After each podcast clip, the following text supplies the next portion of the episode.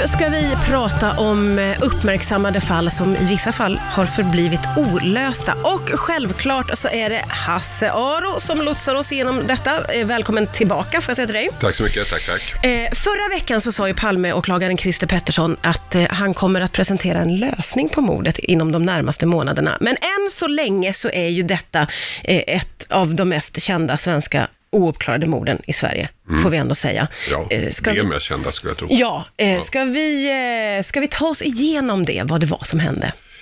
Ja, eh, oj, det är ju en lång historia. Ja, det är det ju. Eh, alltså, jag brukar börja berätta att jag ligger hemma och sover. Och jag jobbade på Radio Stockholm på den tiden.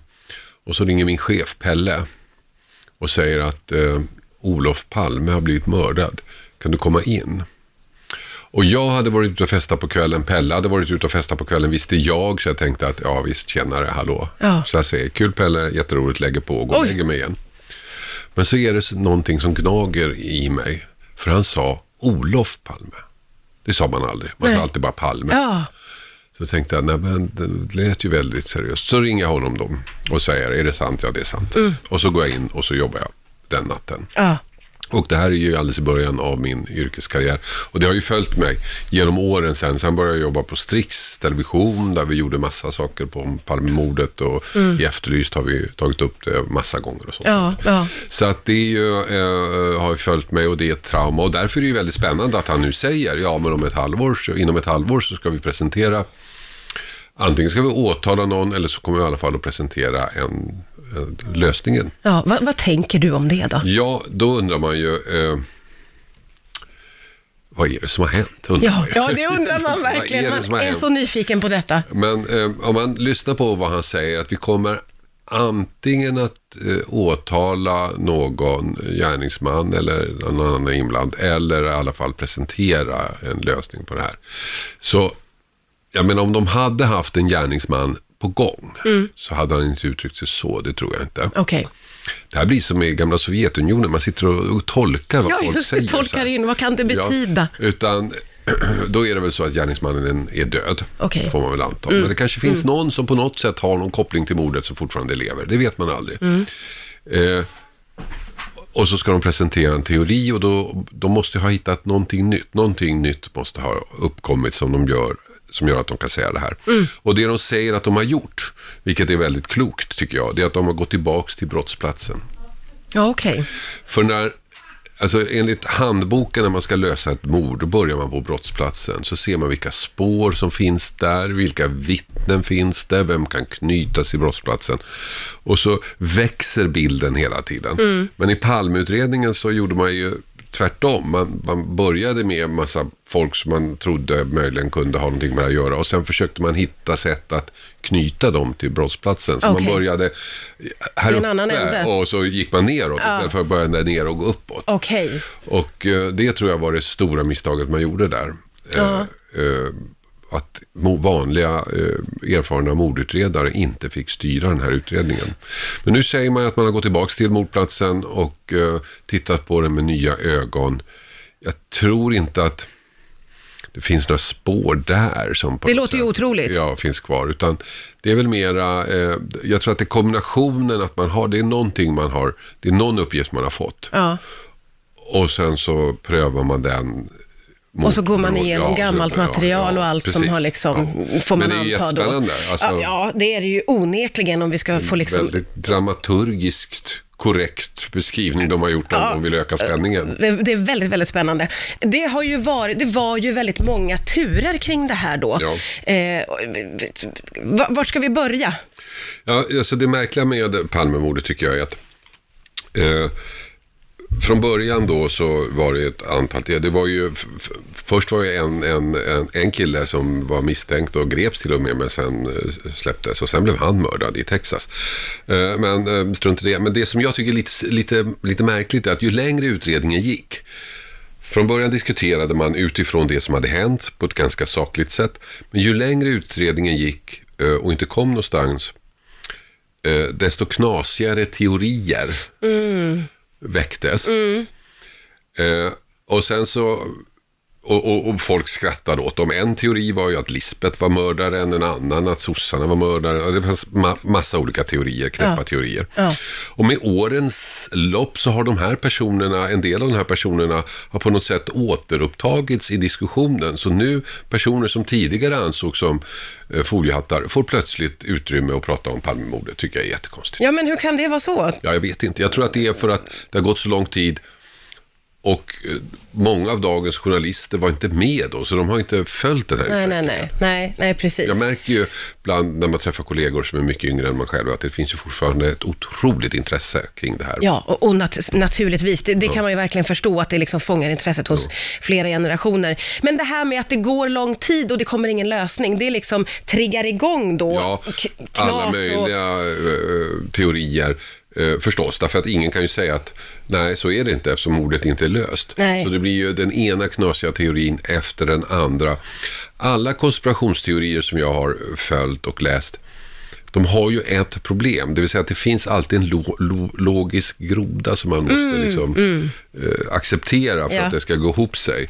Själv, själv tycker jag att själva nyckeln i det här är ju att ingen visste att Olof Palme skulle gå ut den kvällen, ingen visste vart han skulle gå, framförallt inte vilken väg han skulle gå eller åka tunnelbana som han gjorde till bion och vilken väg han skulle promenera hem. Allt det här bestämdes efterhand inte han själv skulle kunna svara på de frågorna tidigare på dagen. Vilket omöjliggör att man kan planera ett sånt här mord. Därför att om man har en konspiration och så anlitar man en yrkesmördare. En yrkesmördare har två mål. Det ena är att klara uppgiften, det andra är ju att komma undan.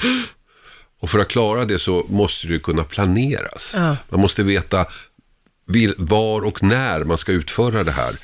Och om vi då tar parallellen till ett annat eh, mord på en statschef, nämligen eh, president John F Kennedy i USA 63 var det va?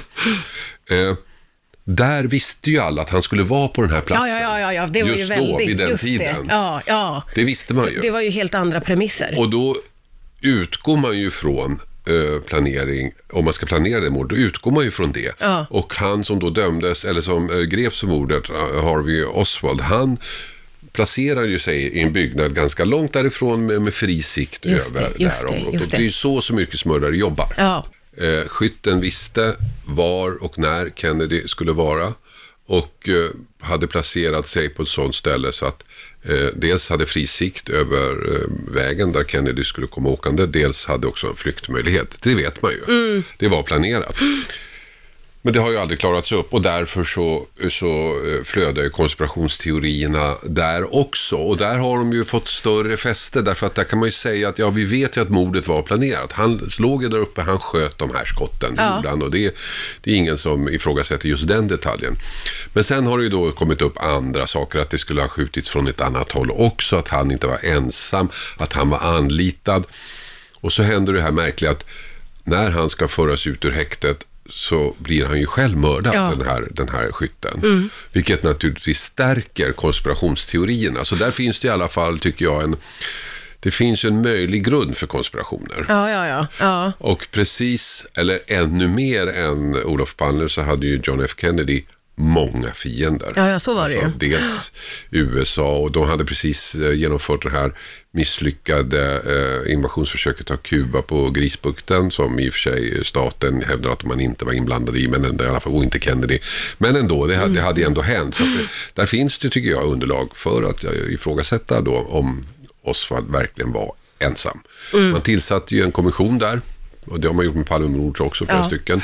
Warren-kommissionen eh, som slog fast, jo han var ensam och, och han som mördade sen Oswald, Jack Ruby, han var också ensam. Så de har kommit på det här var och en för sig. Ja. Eh, Ruby hade ju maffiakopplingar så det låter ju lite konstigt om man bara skulle springa iväg och skjuta den här killen.